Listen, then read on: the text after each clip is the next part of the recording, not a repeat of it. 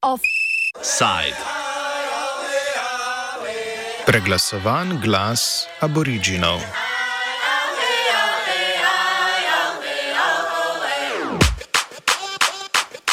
V soboto je v Avstraliji potekal referendum o pravicah staroseljcev. Po več kot dveh stoletjih kolonizacije, preseljevanja in iztrebljanja staroseljskih ljudstev so Avstralci odločali o majhnem koraku za papirnato izboljšanje staroseljskega položaja. Voljivci so odločali o ustanovitvi staroseljskega posvetovalnega telesa za avstralski parlament. Na nacionalni ravni staroseljska ljudstva nimajo zagotovljenih nikakršnih kvot za lastne predstavnike. V trenutnem sklicu dvodomnega parlamenta je tako le 11 poslancev in senatorjev s staroseljskimi koreninami. Čeprav gre za rekordno število, je to še zmeraj manj kot 5 odstotkov vseh izvoljenih zakonodajalcev.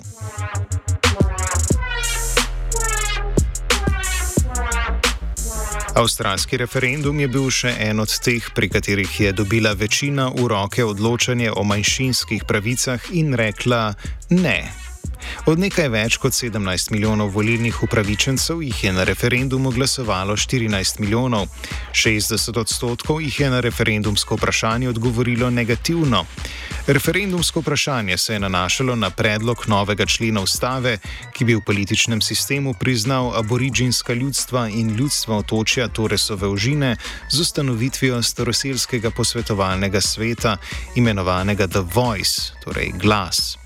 Da bi vladi in parlamentu svetoval pri zadevah, ki zadevajo staroselske skupnosti. Referendumsko vprašanje takole povzame Peter Botsman, častni sodelavec Univerze v Melbournu in tajnik avstralske starosilske borze. Aboriginal leaders, after a long period, after 10 years of consultation, asked for recognition of Australia's First Nations and their 65,000 years of history on this continent, as well as having an advisory group that would represent them that would talk to the Parliament and the executive of the Commonwealth Government uh, on matters relating to Aboriginal life and policy and community. So that was the change. It was a very modest, simple change. Um, it was very reasonable. Uh, and unfortunately, Australian people voted against that uh, change in their referendum.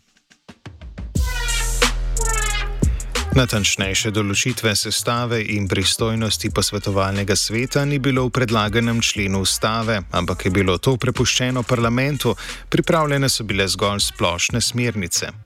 Člane aboriginskega glasu bi volili v staroseljskih skupnostih. Glas bi lahko proaktivno podajal mnenja ali poročila glede oblikovanja politik. Za svetovanje bi ga lahko zaprosila tudi sama vlada in parlament. Pri svojih odločitvah bi moral sodelovati z lokalnimi staroseljskimi organizacijami. Pravice veta na odločitve parlamenta ali vlade pa telo ne bi imelo.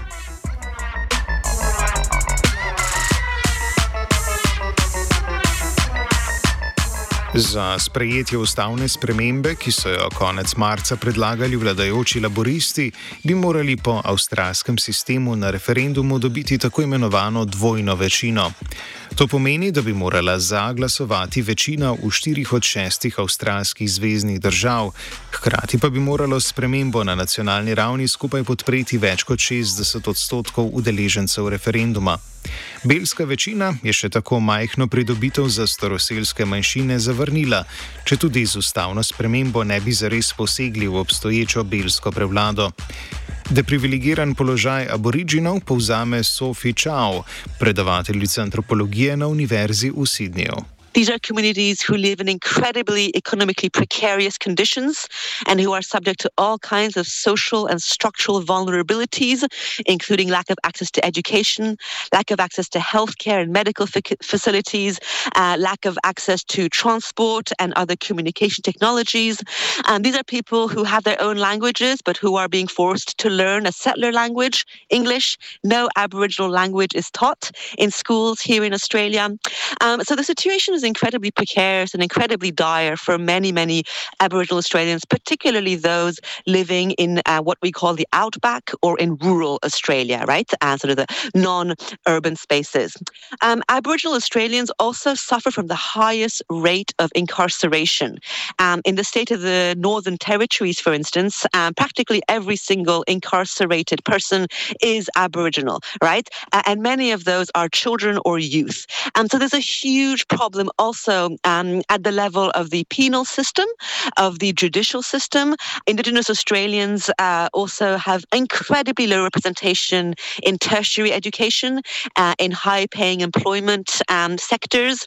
Um, at the university where I teach, for instance, they represent less than 1% of the student body, uh, let, even less when it comes to the academic, um, you know, the teaching uh, faculty. So huge underrepresentation is a big part of the story as well.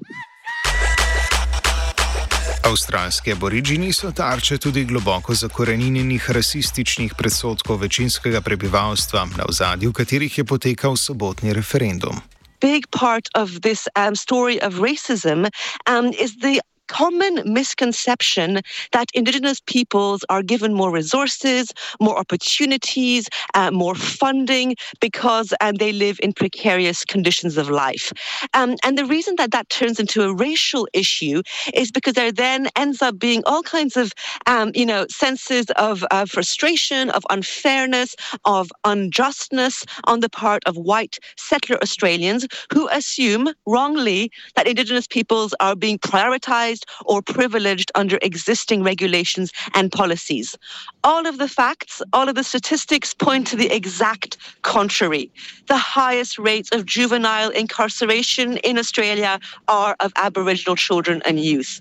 The greatest degree of medical conditions, cardiovascular diabetes, malnutrition are among Indigenous communities. The highest rates of crime and alcoholism are among Indigenous communities because they have been stripped of the land lands, of the resources, of the cultures, even of the language that they hold onto so dearly and that are so central to their sense of identity. Na zadnje so šli Avstralci na referendum davnega leta 1999, ko so odločili o tem, ali naj Avstralija postane republika.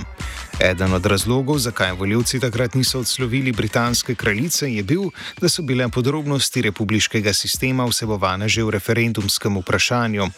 Na sobotnem referendumu so zato predlagali zgolj samo ustanovitev aboriginskega posvetovalnega sveta, kako bi svet deloval in kakšne bi bile njegove konkretne pristojnosti, pa bi odločil parlament šele potem, ko bi državljani koncept z referendumom potrdili. Na ta način se je vlada poskušala izogniti temu, da bi referendum padel že zaradi nestrinjanja glede konkretne izvedbe.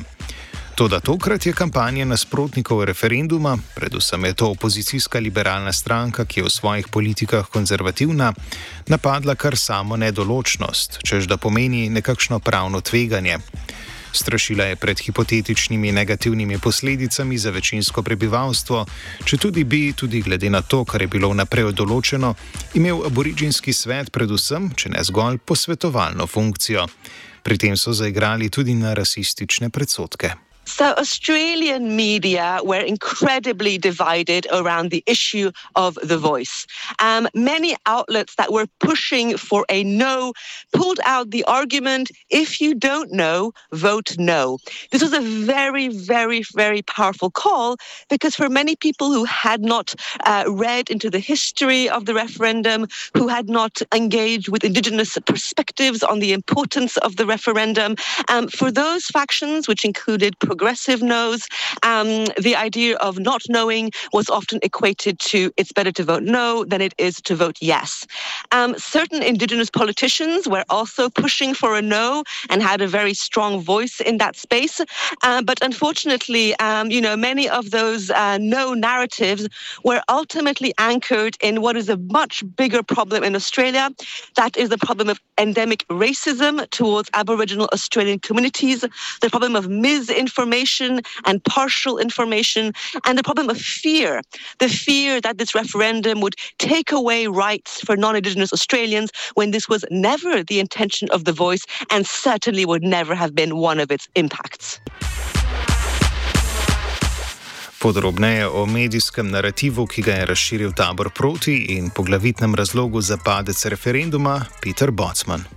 The, ma the main reason of, for the failure was because the two we have two major political parties in Australia: the Labor Party and the Liberal National Party.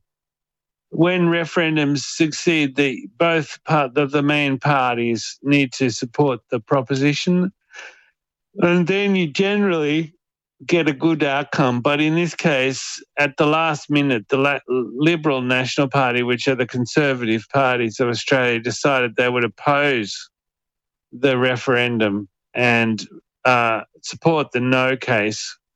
And that is effectively why um, the referendum failed because um, it's very much like what's happening around the world. That they were able to sow a lot of misinformation and um, they were able to create doubt and fear in many people's minds. And one of the other things, they were able to give Australians a really, really kind of crazy idea that the Aborigines would have something that other Australians wouldn't, and that this would divide the country. So um, the Liberal National Party really are the reason why the uh, the referendum failed. Medtem ko so beli Avstralci večinsko zavrnili predlog, so ga staroseljski Avstralci na referendumu podprli. Kaj so od ustanovitve posvetovalnega sveta pričakovali staroseljci, pojasni Botsman. I am currently talking to you from a, an Aboriginal community in the Northern Territory that voted 80% yes in the referendum. Um, the reason why Aboriginal people voted yes was because um, in many parts of Australia, they're totally dominated by the public sector, government, and that it's a very bureaucratic process and often very poor decisions are made and the funding doesn't reach the proper places. And it's not in the interest of the Aboriginal people themselves. So the idea of the voice which was what they called their advisory committee, was to give grassroots Aboriginal people the chance to have a say over what happened in their own communities and in their own lives. And um, it's a very sensible, and it was it would have been a very good thing, in my opinion, to to have have happened. One of the ways that this voice and this recognition would have helped is to um, just give the people themselves the chance to say how they can solve their own problems uh, rather than just having a non-aboriginal person or a doctor or a administrator you know take charge or accountability for something. It would have meant the aboriginal community would have been able to suggest changes in policies and ideas and try to think about how these problems can be solved.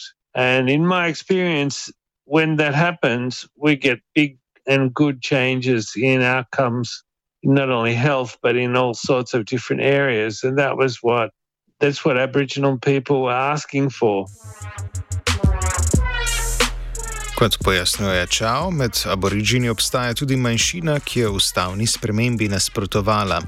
Aborižinske nasprotnike spremembe lahko glede na njihove razloge razdelimo v dve skupini. Um, some of the you know major voices who were pushing for the referendum were Indigenous politicians, Indigenous intellectuals, and Indigenous activists. Over 83% of Aboriginal communities themselves were in support of the voice. So the overwhelming majority of communities um, wanted uh, this uh, system, this voice, this referendum to give them more visibility and to give them more political agency. Um, there were pockets um, there were minority factions of Indigenous politicians, um, those following the lead of Peter Dutton, Scott Morrison, our former Prime Minister, Liberal, um, who sided against the voice. Um, what became very clear from some of the analyses of those perspectives was that they were very much uh, in collusion with other interests that were not about Indigenous rights. They were about the rights of mining corporations, and they were the, about the rights of multinational conglomerates to the natural natural resources that indigenous peoples' lands hold and make possible. So political, economic factors played a big part in shaping the views of those indigenous politicians who sided against um, the referendum. At the same time, I think it's important to bear in mind that there were also indigenous politicians who argue that a voice is simply not enough. Indigenous Australians need self-determination and an advisory body will not do that. What is needed is a treaty.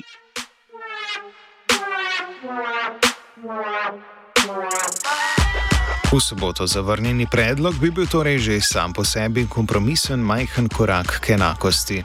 Način, kako bi s to ustavno spremembo vključili staroseljce v politični sistem, bi se razlikoval od tega v Novi Zelandiji, ki je primerljiva država. Tam so kolonialne oblasti leta 1840 z lokalnim maorskim prebivalstvom podpisale sporazum z Vajtangija, s katerim so prevzemu suverenosti nad otokoma določile tudi pravice staroseljcev. Kolonialna oblast je sporazum sprejela s figo v žepu in ga v drugi polovici 19. stoletja že razglasila za ničnega enega. Po gibanju za pravice Maorov v 60. in 70. letih 20. stoletja pa je bil v omejenem obsegu z več zakoni vendarle vključen v pravni sistem države. Novozelandski sporazum tako nima najčistejše zgodovine in nikakor ni bil enakopraven, vendar podobno ureditev odnosa med državo in staroseljci s podpisom sporazuma zagovarjajo tudi nekateri aboriginski aktivisti v Avstraliji. O tem, kako drugačen pomen bi imel sporazum med staroseljci in državo od predlagane ustavne in parlamentarne rešitve, so fičal. A treaty is a system that differs from a constitution in the sense that it lays out the mutually agreed terms for a relationship between Aboriginal and Torres Strait Islanders and the Australian government, right, as equal parties and signatories to the treaty. The difference with the voice is that the voice was always going to be underneath and subsidiary to Parliament, right? It was never going to have a say as to what Parliament decisions were going to be be. All it was going to do was advise the Parliament. And of course, the Parliament is an Australian government system. It is not an Indigenous uh, legal mechanism or regulatory framework, right? Um, so the treaty um, also differs in that, unlike the voice, which is an advisory body, the treaty is a binding agreement, right? It's legally binding between nations, uh, within nations, and then treaties become part of international law, right? There is an international element um, to treaties that an advisory body body does not have. A treaty creates much more significant kinds of responsibilities and duties, and also punitive measures for when that treaty is violated, right? Um, a, a, voice does not do the same thing. There are no punitive measures that can be taken if Parliament does not heed the recommendations of the voice. They are, after all, only advice and recommendation. A treaty is a much more solid legal instrument, um, and it comes with different kinds of responsibilities, obligations, and duties for both both parties non Indigenous Australians, the government, and Indigenous Australians. Takšni predlogi pa zdaj, ko bila večina aboriginski manjšini ni privoščila niti drobtinic, zvenijo še bolj utopično, kot so morda že prej. Boj za glas staroseljcev bo še dolg.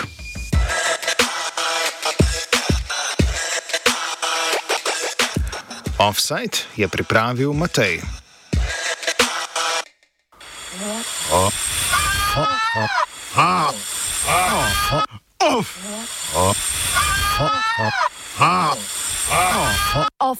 Offside.